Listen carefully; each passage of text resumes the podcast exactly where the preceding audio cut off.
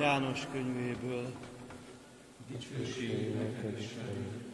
Abban az időben Jézus így szólt tanítványaihoz. Ha szerettek engem, tartsátok meg parancsaimat. Én pedig kérni fogom az atyát, és ő más vigasztalót ad majd nektek, az igazság lelkét, aki örökre veletek marad. A világ nem kaphatja meg, mert nem látja és nem ismeri. De ti ismeritek őt, mert veletek marad és bennetek lakik. Nem hagylak árván titeket, visszajövök hozzátok. Rövid idő, és már nem lát engem a világ. Ti azonban láttok, mert én élek, és ti is élni fogtok. Azon a napon megtudjátok majd, hogy én atyámban vagyok, ti én bennem, én pedig ti bennetek. Aki ismeri és teljesíti parancsaimat, az szeret engem. Aki pedig szeret engem, azt atyám is szereti, én is szeretni fogom, és én megmutatom neki magamat. Ezek az evangélium igéi. Áldunk téged, Krisztus.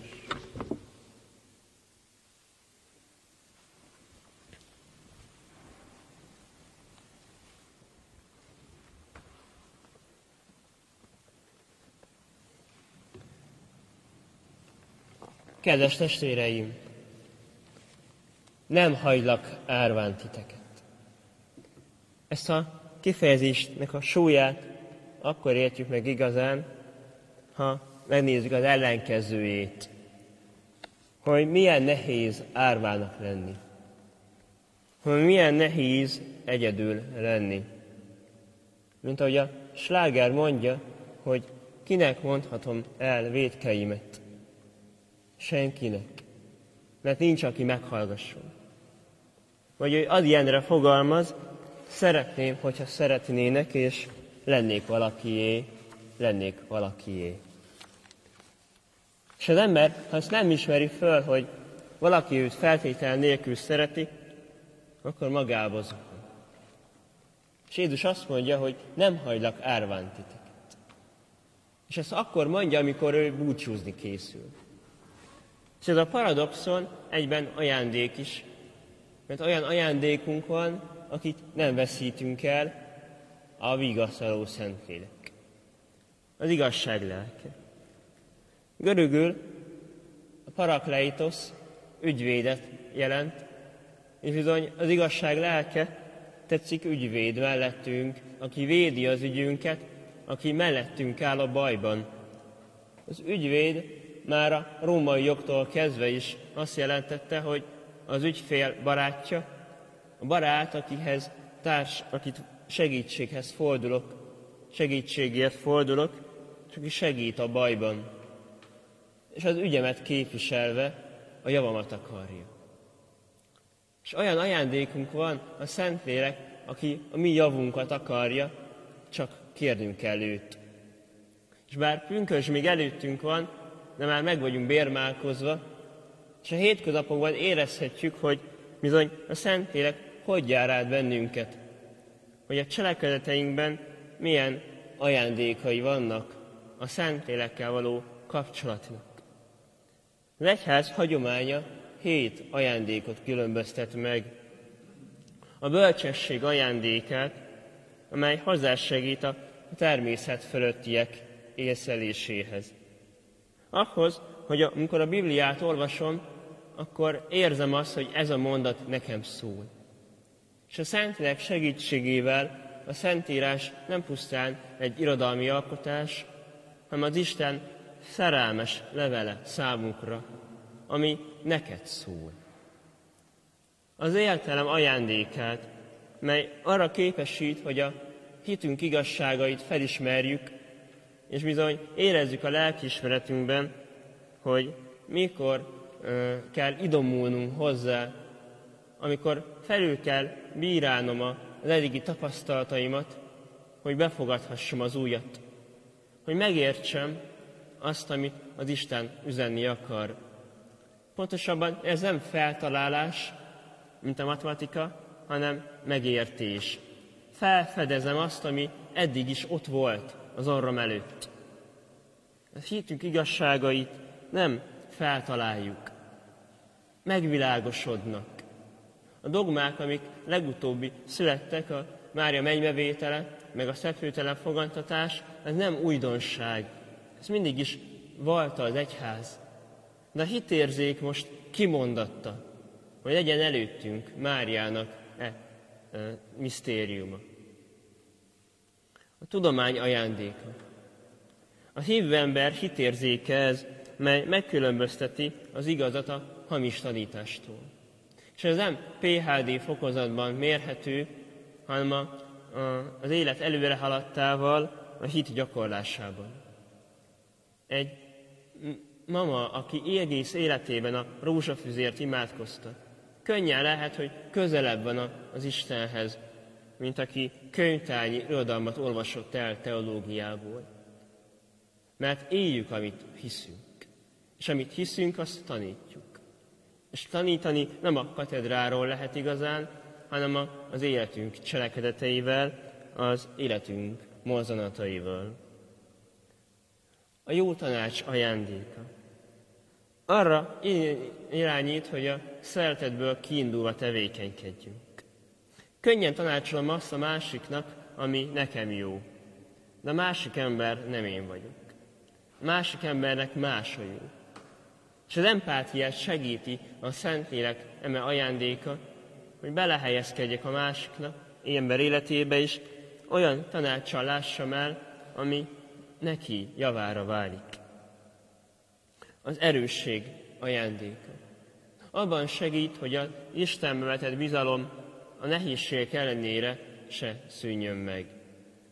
Egy hatodikos diákon fogalmazta ezt gyönyörűen, hogy a lelki erősség az, amikor anya és apa veszekszik, de te nem szólsz közbe. A dolgok, amiket nem tudunk megoldani. Ilyen egy betegség. Ilyen az, az öregkor. Ilyen, amikor uh, elveszítünk valamit, ami nem rajtunk múlik. Ilyen a keresztünk is. De ezeket nem megoldani kell, hanem elhordozni, és ez a lelki erősség műve. A jámborság ajándéka. Növeli a hódolatot a mennyei atya előtt, és egyben tudatosít, hogy mi nem szolgák vagyunk. Mi az Isten gyermekei vagyunk, és ebben a szabadságban élünk. Mint ahogy a másik ember is az Isten gyermeke. És én nem vagyok különb a másik embernél. Esetleg kaptam tehetséget, talentumot, de ez a szolgálatra kell, hogy buzdítson, hogy a közösséget építsem ezáltal, ami nekem a tehetségem.